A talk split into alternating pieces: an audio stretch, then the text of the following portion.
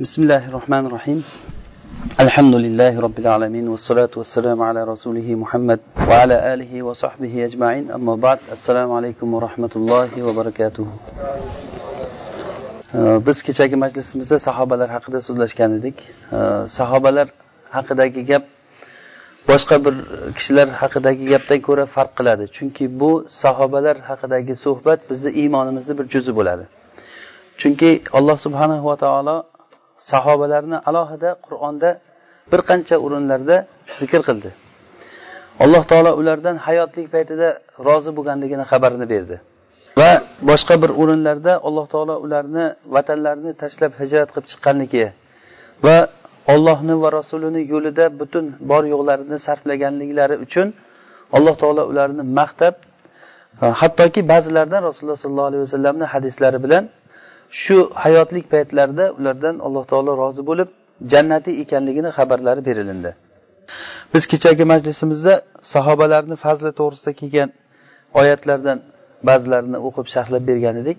Bugun shu e, darsimizni davomi o'laroq. E, Rasululloh sollallohu alayhi vasallamni hadislari sahobalar haqida kelgan hadislar. Buxoriy rahimaulloh va muslim rahimaulloh e, rivoyat qilganlar xotib ibn abi baltani hadisi. Ya'ni bu hadis mashhur hadis. Rasululloh sollallohu alayhi vasallam makkaga yurish qilamiz deb turgan paytlarida xotib ibn abi baltaa xat yozib makka ahlini ogohlantirib xat yozvoradi. Bu kishini bu qilgan ishlari o'zlarini bir ishtihodi bir xato qilgan ishlari bo'ladi. Ya'ni xatni mazmuni shuki e, rasululloh musulmonlar bilan makkaga nima hujum qilib boryapti ehtiyotlaringni olinglar deb keyin rasulullohga vahiy orqali xabar bo'lgandan keyin rasululloh ali roziyallohu anhu bilan bir e, kishini ikki kishi qilib jo'natadilar falon joyga borganlaringda bir quduq suv bor. O'sha suvni oldida bir joriya turibdi. Shundan xatni olib kelar degan. Ali roziyallohu anhu boradilar. E, borsa aytgan joyda o'sha joriyani uchratadi. Xatni bergin deganda u menda hech qanaqangi xat yo'q deganda yo berasan yo seni yechintiramiz hozir deydi. Shunda u biladiki xat borligini aniq bilganligini bilib ba'zi rivoyatlarda sochini orasidan chiqarib berdi degan ba'zilarda kiyimini orasidan chiqarib berdi degan e, xat bo'lgan. Ular to'g'ri rasulullohni oldiga olib kelib xatni bergan. Shunda xatni ochib o'qib qarasalar xotib ibn abi baltaadan sahobiy u kishi rasulullohni sahobalaridan. Xotib ibn abi baltaadan makka ahliga xat ehtiyotlaringni oylar rasululloh boryapti deb yozilgan. Shunda rasululloh ey xotib bu nima bu? degan.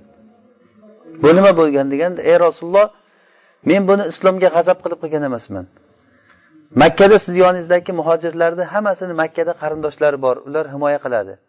Ertaga musulmonlar ularga hujum qilib borayotgan bo'lsa ular bularni ahliga hech kim tegisholmaydi chunki qarindoshlari bor. Meni hech kimim yo'q deydi.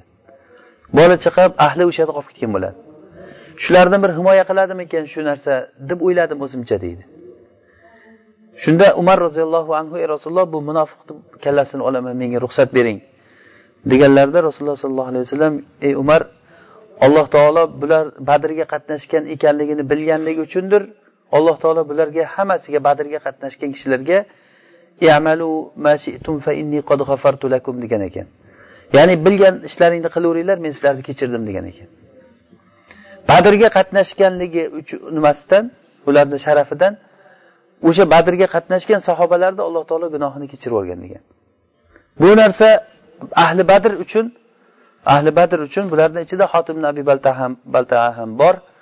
Badr ahli uchun juda katta bir e, shu dunyoni o'zida berilgan katta bir e, bu narsa maqtov. Ibn qayim rahimaulloh aytadilarki hop mana shu hadisni tarixida aytgan ekanlarki bu degani alloh taolo sizlarni kechirdim degani ular islomda o'ladi degani. Ya'ni badrga qatnashgan kishilar fitnaga uchramaydi islomda o'ladi degani. Alloh taolo ularni gunohlarini mag'firat qiladi degani.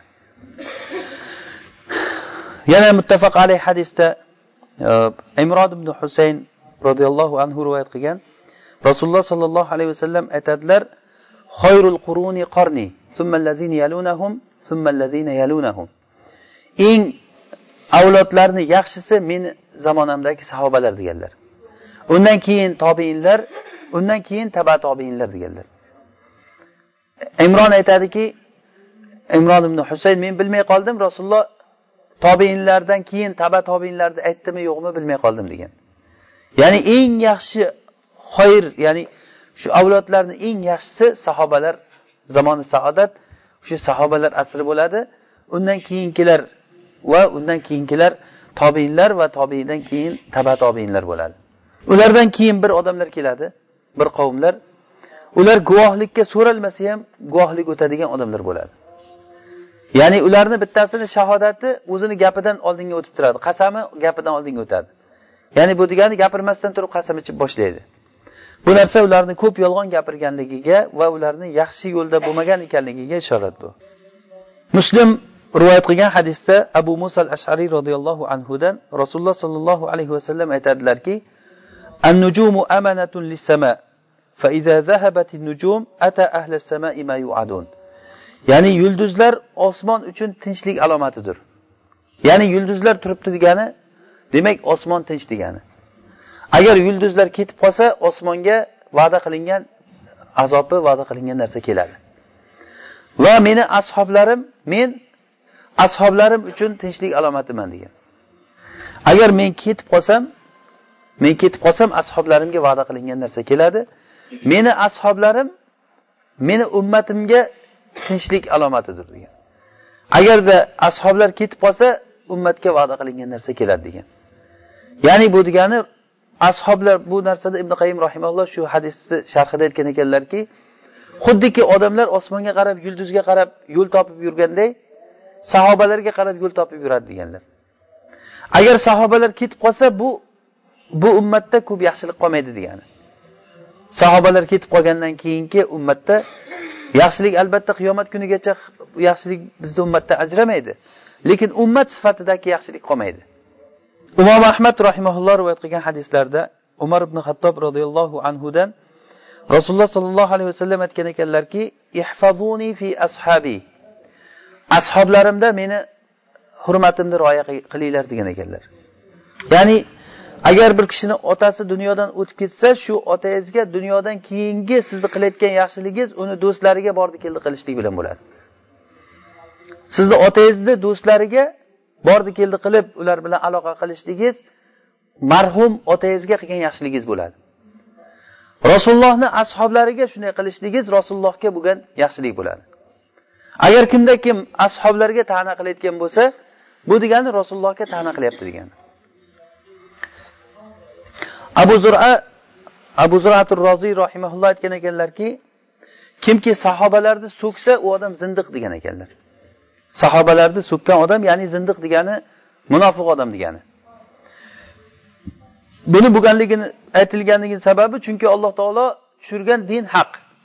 Rasulullohdan qolgan sunnat haq. Mana shu haq narsani biz kim tarafdan oldik? Sahobalar tarafidan oldik. Agar sahobalarni so'kayotgan bo'lsa olloh va rasulini yo'lini biz to'sgan bo'lamiz. Qarangki o'sha sahobalarga bolta urgan odamlar u nafaqat bir shaxslarga bo'lgan jinoyat bu. Balki u shaxslar olloh va rasulini bizga yetib kelayotgan dinini yo'lidagi o'sha bizga kelgan vositalarni uzib tashlash degani bu. Vositalarni uzib uzib tashlagandan biz oladigan dinimiz qolmaydi hech qanaqangi. Shuning uchun ham biz sahobalar to'g'risida suhbatimizni uzunroq qilamiz inshaalloh. Men o'ylaymanki bunda hammamiz yaxshi bir tushunchaga ega bo'lamiz inshaalloh biiznillah. Bu biz uchun juda ham muhim bo'lgan mavzu. Sahobalar to'g'risidagi gapimiz biz sahobalarni manoqiblarini ularni urushdagi e, jasoratlarini ya'ni tarixiy bir jasoratli shaxslar sifatida o'rganishlikdan oldin ularni kim ekanligini tanishligimiz kerak. Masalan abu bakr yoki umar kim u? Ismi kim uni nechta farzandi bo'lgan nechta xotini bo'lgan kimni o'g'li qachon tug'ilgan qachon o'lgan nima ishlar qilgan degan narsadan oldin abu bakrni o'rnida turgan sahobiyni biz bilishimiz kerak. Sahobalarni o'sha mana shu hayot voqeligidagi ularni mavqeini biz tushunishligimiz kerak. Bu juda ham biz uchun muhim bo'lgan mavzu bu. Biz sahobalarni yaxshi ko'rishlikda ixtiyorli emasmiz. Balki bu narsaga buyurilinganmiz. Oysha roziyallohu anhu aytganlarida kecha darsimizda aytgandik ular sahobalarni yaxshi ko'rishlikka buyurilindi lekin so'kdilar degan. Ya'ni havorijlarni nazarda tutib aytganlar. Rasululloh sollallohu alayhi vasallamdan keyin qolgan sahobalar rasulullohdan keyin qolgan sahobalar bizga shunaqangi bir muhim o'rinda egallaydiki hozir bu narsani biz bo'lib aytamiz. Birinchi o'rinda bitta vazifasi ya'ni payg'ambarlarni vazifasi odamlarni boshqarishlik bo'ladi. Odamlarni boshqarishlik bu payg'ambarlar vazifasi siyosat bu narsa.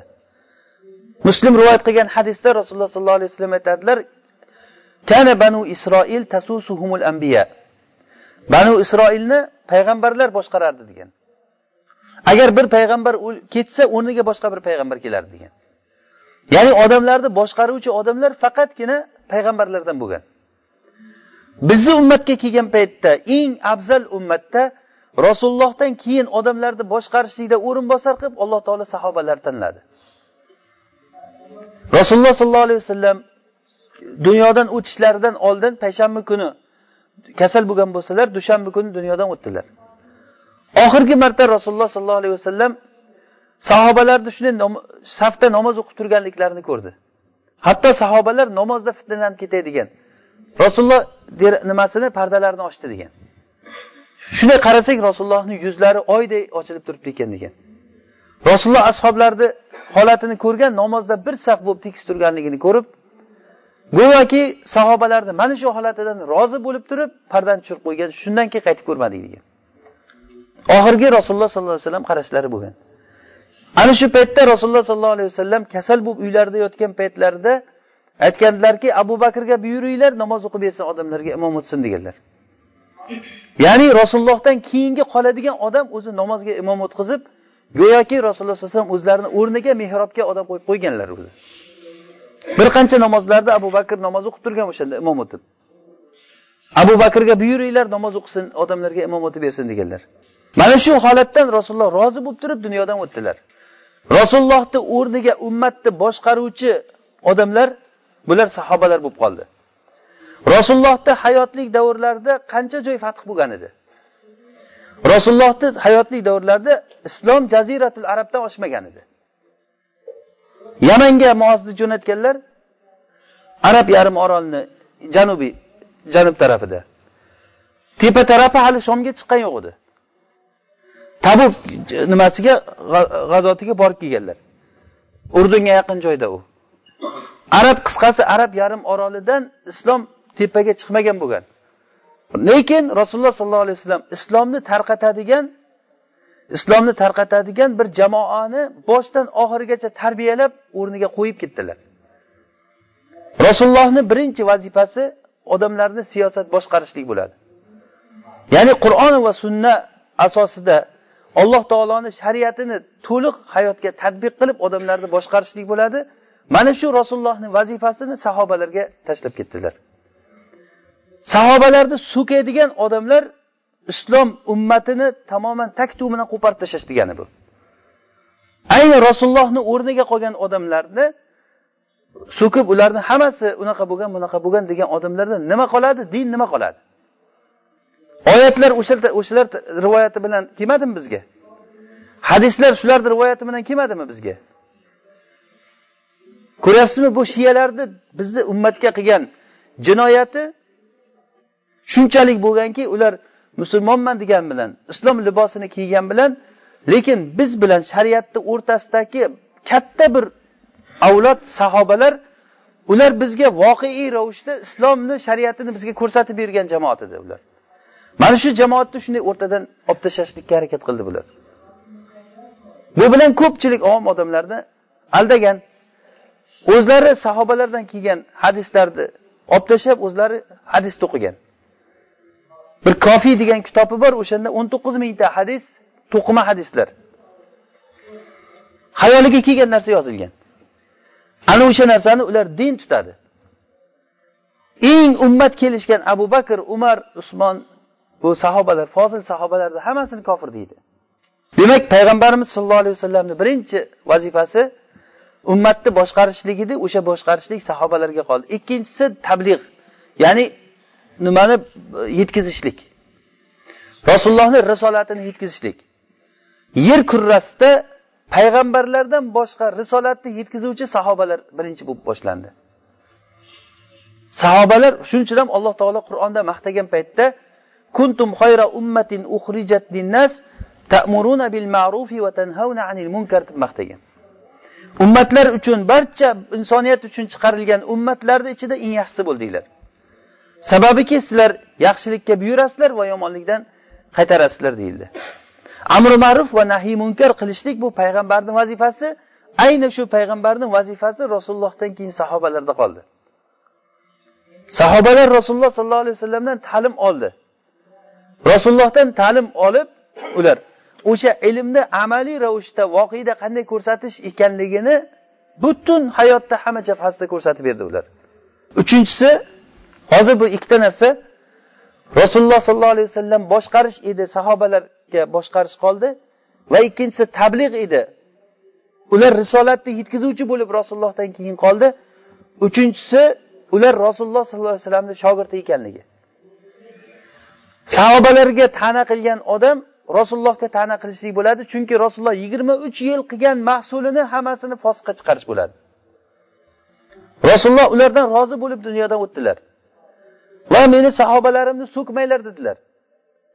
Meni sahobalarimni so'kmanglar agar sizlarni bittalaring uhud tog'ichalik agar tilloni sadaqa nafaqa qilsa ham meni ashoblarimni bir hovuch qilgan narsasiga yetmaydi degan. Bir hovuch yoki yarmiga ham yetmaydi deganlar. Mana shu mana shu martaba rasulullohni shogirdi ekanligiga hech kim yetisholmaydi bunga. Rasulullohdan qolgan siyosat deyotgan bo'lsak unda hozirgi ummatda ham ummatni boshqarishlik uchun siyosatchi bir olimlar chiqishligi mumkin. Yoki risolatni yetkazuvchi da'vatchi tabliğchilar chiqishligi mumkin. Lekin rasulullohga shogird bo'lolmaydi hech kim. Buni iloji yo'q buni. Sahobalarda eng katta obro' nimalardan biri ularni o'rin tutgan o'rinlardan biri rasululloh sollallohu alayhi vasallamni shogirdlari ekanligi. Rasulullohni madrasasidan chiqqan odamlar ular. Rasululloh sollallohu alayhi vasallam ularni hayotda har bir jabhasida ularni tarbiyalab chiqardilar. Biz sahobalar hayotidan gapirar ekanmiz ularni oddiy bir hayotdagi bir zabardast bir kuchli odamlar bo'lgan degan tomonini o'rganmaymiz ularni. Tarix kitoblarida siyrat kitoblarini o'qishlikdan oldin biz sahobalarni kim ekanligini bilishligimiz kerak. Odamlarni eng katta ayblar nima xatolaridan biri sahobalarni oddiy bir kuchli odamlar sifatida ya'ni arab tilida bir abqoriy deyiladi kuchli odam sifatida o'rgangan. Sahobalarday agar masalan hozirgi kunda bir kishi agar haqiqiy sidiq bilan turib berib amallarni shariatda kelgan amallarni qilsa sahobalar darajasigacha yetishaladimi sahobalardek bo'la oladimi? Yo'q bo'lolmaydi ulardagi sidiq ulardagi iymon. Mana shu iymon va sidiq mana shu ikkita narsa ularda mujassam bo'lganligi uchun ham alloh taolo ulardan rozi bo'ldi. Ana shu narsa bilan ularni bir hovuch qilgan narsasi agar bizni bittamiz uhud tog'ichalik tilloni bersak ham unga yetisholmaydigan darajagacha bo'ldi. Abu bakr ayyosh rahimaulloh aytgan ekanlarki abu bakr roziyallohu anhu sizlardan ko'p namoz va ko'p ro'za bilan o'tib ketmadi. Balki u kishi qalbida bir joylashgan iymon bilan sizlardan o'tdi degan. Shuning uchun ham abu bakrni ozgina qilgan yaxshiligi ham abu bakrni ozgina qilgan yaxshiligi butun ummatdagi hammani qilgan yaxshiligidan o'tib ketadi. Bu narsa bizga bir asl bo'lib qolishi kerakki iymon va sidiq ollohga bo'lgan ishonch. Imom shofiy rahimaulloh aytgan ekanlar olloh azza va jalla rasulullohni ashoblarini qur'onda tavrotda va injilda maqtagan. Va ularni fazli rasululloh sollallohu alayhi vasallamning so'zlariga ko'ra bir necha hadislarda sobit bo'lgan. Imom ahmad rahimaulloh bir kitob yozgan sahobalarni fazli to'g'risida ikki mingta hadis to'plagan ekan. Sahobalarni fazli to'g'risida ikki mingta hadis to'plagan. Bu har bitta sahobalarni umumiy gapirish hozir biz keltirayotgan hadislar sahobalarni umumiy holatdagi maqtovi bu. Meni ashoblarim meni ashoblarim deb gapirgan joylari. Ammo bu ikki mingta hadisni ichida xos sahobalarga maqtagan masalan muozni maqtagan e, ibn abbosni maqtagan ibn umarni maqtagan falonchini falonchini deb sahobalarni bitta bitta bitta kimni maqtagan bo'lsa shuni keltiravergan ikki mingtacha hadis bitta kitobda jamlagan. Lekin hozir biz gapirayotgan narsa u emas. Biz sahobalarni hayotdagi shu umumiy holatida shu sahobiy o'rinda ularni kim ekanligini tushunishligimiz. Rasululloh sollallohu alayhi vasallamning ular shogirdi ekanligi va vahiy nozil bo'lib turgan voqeda yashab turganligi uchun ularni fahmi birinchi o'ringa qo'yiladi. Agar sahobalarni fahmi bilan boshqa odamni fahmi ikkovi bir biriga teskari kelib qolsa boshqalarni fahmini olib devorga urasiz. Chunki ular sahobalar birinchidan iymon va sidiqda ularga yetib bo'lmaydi. Ikkinchidan arab tilida qur'on va sunna arab tilida edi. Uchinchidan rasulullohni yonida turgan odamlarni vahiy ularni ichida tushdi.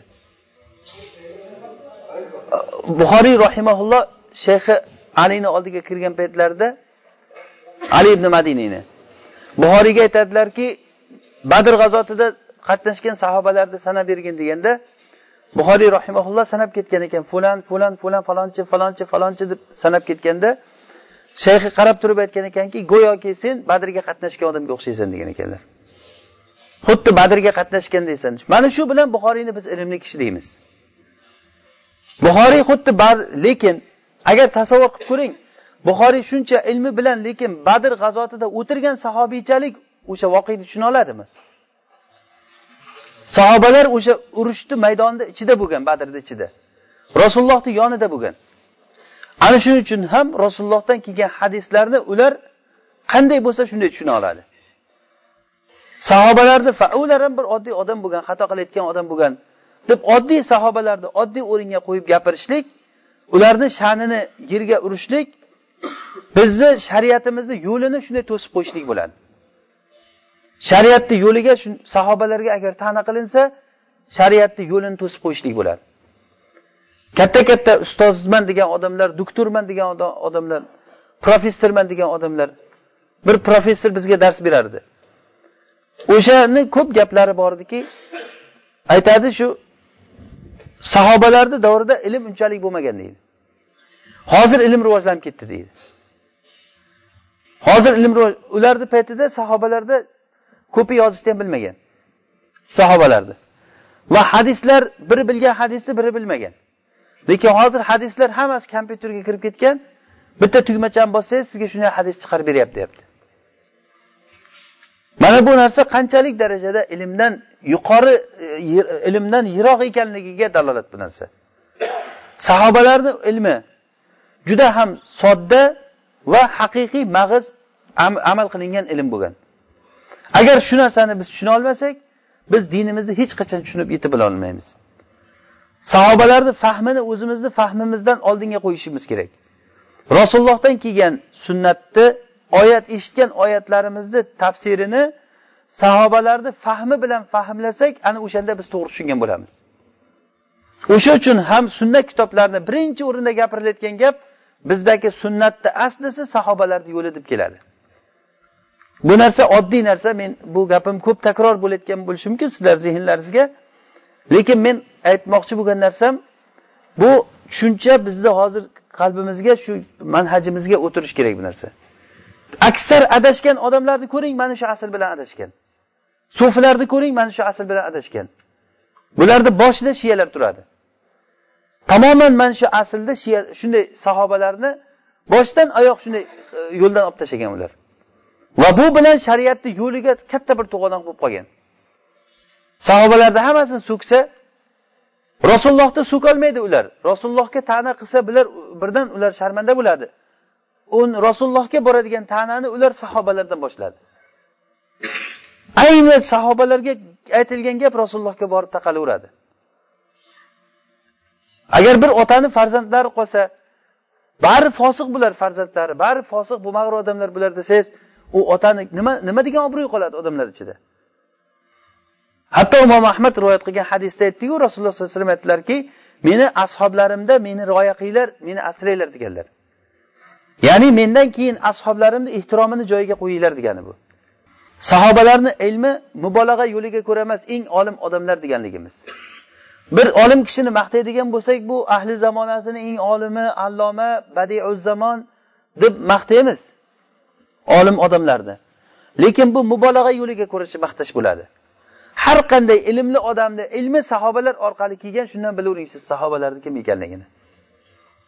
Masalan eng olim kishilardan biri buxoriy deydigan bo'lsak buxoriy rahimaullohni shu holatini sahobalarni holatiga qo'yib ko'ravering masalan badrga qatnashgan sahobalarni bitta bitta sanab berib falonchi falonchi bo'lgan falonchi falonchi bo'lgan deb nomlarini zikr qilib bera olishligi mumkin hammasini.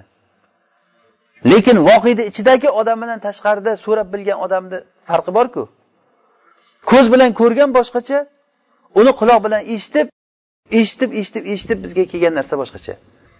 O'sha uchun ham biz bu narsada to'g'ri bir shariatni to'g'ri tushunaman degan odam sahobalarni fahmi bilan shariatni tushunishligimiz kerak. Agar shu asldan ozroq bo'lsa ham chekkaga chiqsak tamom biz dinimizda siljish paydo bo'ladi. Abdulloh ibn masud э, roziyallohu anhuni gaplari. Agar kim ergashadigan bo'lsa sahobalarga ergashsin ya'ni o'lib ketgan kishilarga ergashsin deganliklari sahobalarga ergashsin. Chunki tirik odamga fitnadan omon qolinmaydi. Ya'ni bu ibn masudni aytgan gaplari sahobalar oz qolgan paytda gapirgan gaplari. Tobeinlar ko'payib ketgan unda. Mana shu paytda aytgan gaplari o'lib ketgan odamlarga ergashinglar degani fozil oldingi sahobalarga ergashinglar degani. Chunki ular rasululloh sollallohu alayhi vasallamning ashoblari bu ummatni eng qalbi pok odamlari. Va ilmda eng chuqur bo'lgan takallufi eng kam bo'lgan va hidoyatda to'g'ri va holati eng go'zal bo'lgan odamlar edi. Bu qavmni alloh taolo rasulullohga sahobiy bo'lishlik uchun tanlab oldi. Ularni fazlini bilinglar va ularning asarlariga ergashinglar. Chunki ular to'g'ri hidoyat ustidagi bo'lgan odamlardi degan. Mana bu gaplarini biz har birimiz yodlab olishligimiz kerak bo'lgan gap. Agar kimda kim ergashmoqchi bo'lsa o'lgan kishilarga ergashsin degani kimga? Sahobalarga ergashsin degani. Sahobalarni biz ummat sifatida olib turib ergashamiz. Ularni hammasi fozil odamlar edi hammasi adolatli odamlarni mana shu sahobalarni fahmi bilan biz shariatga kitobi sunnaga shularni fahmi bilan qarashligimiz kerak. Sahobalar ilmni rasululloh sollallohu alayhi vasallamni yonida turib olgan shogirdlari bo'ladi. Ularni olgan ilmi yosh bolalarni qur'on yodlashligidek bo'lmagan. Bizni qur'on yodlashligimiz agar yoshimiz katta bo'layotgan bo'lsa o'qigan narsamizga amal qilishlik uchun keyin o'zimizni o'zimiz qiynashligimiz kerak bo'lyapti. Masalan o'qigan narsalar ko'payib ketgan amal qilayotgan narsa yo'qolib qolgan. Sahobalar unaqa emas edi. Biz bilan sahobalarni o'rtasidagi farq shunda. Bir narsani rasulullohdan eshitdimi o'shanga amal qilgan. O'shani shu zahoti hayotiga tadbiq qilgan. Mana shu bilan biz bilan sahobalar o'rtasida katta farq bo'ladi. Agar yoshlar qur'on yodlayotgan bo'lsa qur'onni yodlaydi ilmni o'qiydi lekin kerak bo'lsa namoz o'qimaydi. Yosh bolalar uning qachon otasi ey namoz o'qigan? Qani seni shuncha o'qigan ilming? Nimaga namoz o'qimaysan deb otasi aytib tursa keyin namoz o'qiydi. Kattalarimiz bo'layotgan bo'lsak qancha narsani o'qib kitoblarda eshitib o'qib eshitib ko'p narsalarni bilib o'tib ketib qolganmiz. Kimdir unga eslatib voy esingdami falon vaqtda falonchi domla mana bunday degan edi falon kitobda mana bunday degan edi shunga bir amal qilsak bo'lar ekan deb bir birimizga tezlasak ilm ancha oldinlab ketib qolgan amal orqada qolib ketgan. Sahobalarda ilm bilan amal mana shu birgalikda yurgan edi. Ana shunday bo'lsa bu shariat o'zining mag'zini chiqarib berar ekan. Bu ummatni avvalini nima isloh qilgan bo'lsa imom molikni gaplari. Bu ummatni oxirini ham xuddi shu narsa isloh qiladi. Bizni hammamizda hozir muammomiz voqeda bo'layotgan ixtiloflar va shariatni shariatdagi musulmonlarni qoloqligi shu hammamizni muammomiz shu. Bu narsani birdan bir yechimi sahobalarni hayotini o'rganib o'sha hayotga tushishligingiz kerak. Agar sahobalarni hayotiga tushib o'shalarga o'xshasak inshaalloh biz katta bir saodat yo'liga chiqqan bo'lamiz.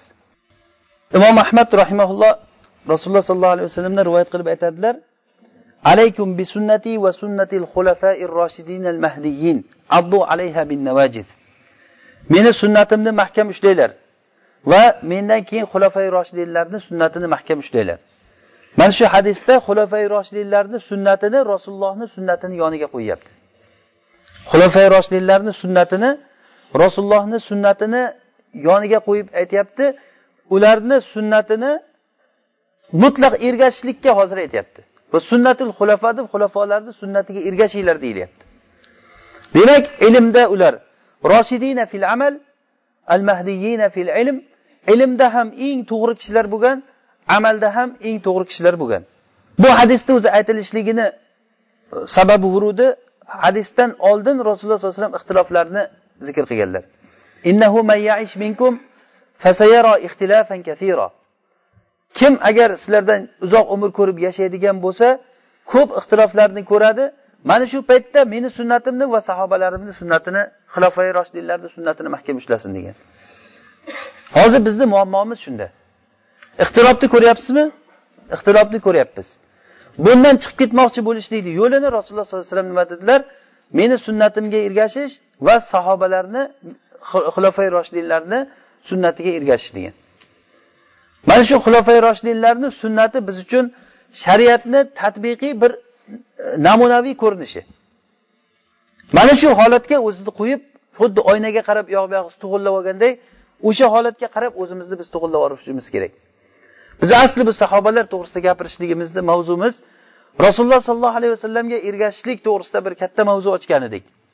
Sizlar uchun rasulullohda katta bir namuna bor. Laqad kana lakum fi rasulillahi uswatun hasana. Chiroyli bir namuna bor. Kim uchun? Ollohni va oxirat kunini umid qilgan odamlar uchun. Olloh va oxirat kunini umid qilgan odamlarni eng kattasi eng namuna sifatida ko'ringani bu sahobalar edi. Biz shuning uchun sahobalarni kim ekanligini tanisak qanday ular rasululloh sollallohu alayhi vasallamga ergashganligini yaxshi biz tushuna olsak keyin biz ergashishligimiz yo'lga tushishligimiz judayam bizga oson bo'ladi. Agar bir kishi sizga kelib yaqinda narxlar ko'tarilib ketayotgan unaqa bo'layotgan bunday bo'layotgan yangi qonunlar chiqar ekan bir o'zgarishlar bo'lar ekan deb sizga aytsa qanchalik darajada o'sha odamni gapiga ishonsangiz shunchalik darajada tayyorgarligingizni olasiz. Rasululloh bizga oldindan xabar beryaptilarki kimki agar sizlardan yashasa ko'p ixtiloflarni ko'radi dedilar. Ixtiloflarni ko'ryapmizmi hozir? Ixtiloflarni ko'ryapsiz buni yechimi nima ekan? Alaykum bi sunnati meni sunnatimni ushlanglar dedilar. Va xulafay roshidinlarni sunnatini ushlanglar dedilar. Biz yaxshilikni hammamiz istaymiz. Hammamiz muammoni yechishlikka harismiz. Qaysi bir odamga qarasangiz nahnu muslihun deydi. Lekin buni birdan bir yechimi nima? Rasululloh sollallohu alayhi vasallamga va xulafay roshidinlarni sunnatiga ergashishlik bilan bo'ladi. Mana shu to'g'risidagi aqidamizni biz inshaalloh mahkam e, to'g'irlab olsak sahobalar o'rtasidagi bo'ladigan xiloflar to'g'risidagi bizni aqidamiz. E, balkim bu mavzu sizlar uchun zerikarliga o'xshab ko'rinayotgan bo'lishligi mumkin. Lekin buni agar yaxshilab bir o'ylab ko'rilinsa hali inshaalloh suhbatimiz davomi bor. Bu narsa biz uchun juda ham katta bir to'g'ri e, nima deydi muhim bir aslni berayotganligini keyin inshaalloh tushunsak kerak bu narsani. Adashgan odamlar mana shu asl bilan ko'p adashdi. Sahobalarni fahmi bilan fahmlamaganligi uchun bizni adashtiraman degan odamlar ham bizni asl taktuvimizdan uradigan mana shu sahobalardan bizni ajratishlik bilan bo'ldi bu narsa. Yangicha zamonda yashayapsanmi? Ular eski zamonni odamlari eskicha bu yangicha deyishlikni o'zi ham xuddi shu yo'lni bittasi. Ya'ni ularni zamonasidan bu zamon boshqa. Sen aytayotgan foiz qachonlar ketib qolgan u? Deydigan narsa tamom biz bilan shariatni o'rtasidagi eshikni yopib qo'yish degani bu. Biz uchun sahobalar xuddi eshik kabi. Shariatni eshigi kabi shular orqali biz shariatga kirib boramiz. Mana shu eshikni tamom yopib qo'yish bo'ladi. Uni har xil suratda yopsin. Yo zamonani o'zgarib ketganligi bilan sen hozir boshqa zamonda yashayapsan. Ularni yashayotgan narsa u oltinchi asrni bir narsalari bo'lgan. Agar qo'polroq aytganda e, eski zamonni bir sarqitlari bular deydigan narsa bilan aytsa hozir biz rivojlangan asrda yashayapmiz biz desa tamom o'sha eshik yopildi degani bu.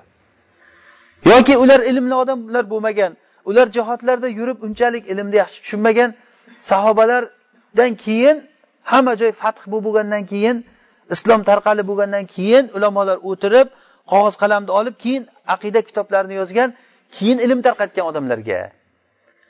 Degan odamlar ilmni hidini ham hidlamagan odamlarni gapi bu. Mana shu narsa juda muhim asl bu narsa. Bu ummatni eng olimi kim? Eng olimlari sahobalar bo'ladi. Rasulullohni sunnatini eng tushungan odamlar kim? Sahobalar bo'ladi. Chunki ular rasulullohni shogirdlari edi ular. Sahobalarga aytilingan gaplar sahobalarga otilingan toshlar bu albatta rasulullohga otilgan toshlar bo'ladi. Yigirma uch yilki rasulullohni mahsulini yo'qqa chiqarish bo'ladi. Agar bir bir ustoz dars bersadan keyin imtihonda birortasi ham najoh bo'lib chiqmasa tekshiruvchilar ham aytami sen kimni o'qitding o'zi? deb. Bir yil emas ikki yil emas yigirma uch yil o'qitsada yigirma uch yildan keyin hammasi fosiq bo'lib chiqsa o'sha madrasadan. Shiyalar aytgandek. Bu nima qildi bu muallim? Nima degani bu? Bular rasulullohga tosh otolmaganligi uchun aynan ismiga atab tosh otolmaganligi uchun ular shunday shariatni tagidan urishga harakat qildi. Buni boshida abdulloh ibn saba yahudiy degan bir yahudiy kishi bo'lgan. Islomni zohir qilgan o'zi usmon ibn affonni o'limiga sabab bo'lgan odam mana shu bo'ladi. Va keyin sahobalar o'rtasidagi bo'lgan fitnani urushni qamir turishi shu odam bo'lgan. Sahobalar birlashib ketishligi bilan birga qaragan mavzu vaziyat boshqachaga olyapti shartda ergashgan kishilar bilan yarmi havorij bo'lib chiqqan yarmi shiya bo'lib chiqib ketgan bu tomonga. Hozirgacha bularni nimasi e, balo kulfati bizni boshimizga kelyapti. Mayli bundan e, olloh o'zi kifoya qilsin. Ularni e, kimligini taniganimizdan keyin ular mayli. Lekin muammo bizni o'zimizda. O'zimizdaligiki biz shariatimizni o'zimizni shariatimizni yaxshi tushunmaganligimizda. Sahobalarni mavqifini ularni bizni aqidamizdagi dinimizdagi o'rni nima ekanligini bilishligimiz. Sahobalar bu ummatning olimlari takror aytaman. Sahobalar bu ummatdagi eng fahmli kishilar shular bo'lgan. Sahobalar biz bilan shariatni o'rtasidagi yo'l eshik. Agarda shularga bir ta'na qilinayotgan bo'lsa tamom bizni shariatimiz biz bilan oldi to'silgan bo'ladi. Mana shu narsani biz yaxshi tushunishligimiz kerak. Shu narsadagi aqidamizni yaxshi to'g'irlab olishligimiz kerak. Alloh taolo nasib qilsin sahobalardek bo'lishlikka. Bu hozirgi hammamizni muammomizni yechilishligi shu sahobalarga ergashishlik bilan bo'ladi va shularni ko'zoynagini taqib qarashlik bilan bo'ladi. Qur'oni sunna bizni qo'limizda bor. Hamma joyda qur'on bor hamma joyda hadis bor tarqalib ketgan. Lekin hech kim buni olib o'ziga to'g'ri tushunolmaydi bitta oyatni to'g'ri tushunolmaymiz. Sababiki biz sahobalarni fahmi bilan qaramaganligimiz uchun. Kerak bo'lsa qur'on o'qib turgan joyimizda sunnani o'qib turgan joyimizda bir din dushmani kelib turib bizga dars berishligi ham mumkin. Tushunmasdan qarab turaveramiz. Ashhadu anna aliya valiyulloh deb azon aytsa shunga taqlid qilib azon ham aytaveramiz.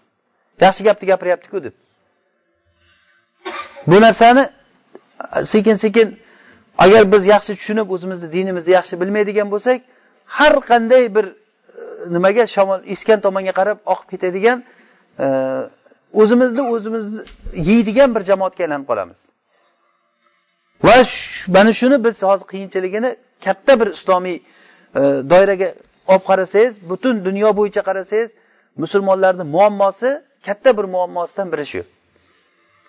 Dindagi fahm. Biz dinda o'sha kimmiz biz o'zi? Rasululloh sollallohu alayhi vasallam kim? Biz rasulullohga ergashgan la ilaha illalloh muhammadu rasululloh degan odamlarmiz musulmon kishilarmiz mana shu musulmon odamlarni boshida bizni namunamiz o'laroq sahobalarni hayoti bo'ladi.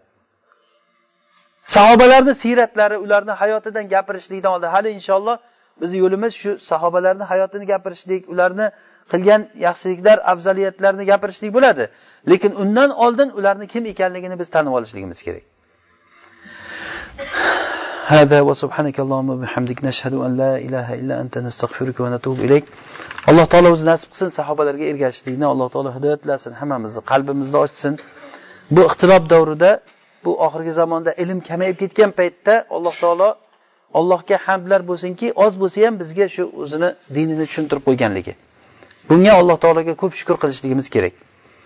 Alloh taolo qur'onda aytadiki bal huwa ayatun bayyinatun fi suduril ladina utul ilm. Bu qur'on ilm berilgan odamlarni qalbidagi ochiq vodih oyatlar deyilgan. Mana shunday ochiq vodih oyatlar qo'limizda turib qo'limizda turib biz o'zimizni shariatimizni yaxshi tushunmaganligimiz judayam judayam achinarli narsa. Qo'lingizda shunday zilol suv turibdi chanqab yuribsiz. Icholmaysiz o'sha narsani nimaligini bilmaysiz. Odamlardan suv so'rab yuribsiz borib. Hidoyat bizni qo'limizda turibdi boshqa yerdan hidoyat oqtaryapmiz. Qayerlarga borib turib hidoyat oqtaryapti bizni bolalar? Hidoyat bo'lsa o'zini qo'lida turibdi. Shu deyman bizni ustimizdan rosa kulsa kerak shu din dushmanlari. Ahmoqligimizdan bizni soddaligimizdan johilligimizdan kulsa kerak deyman.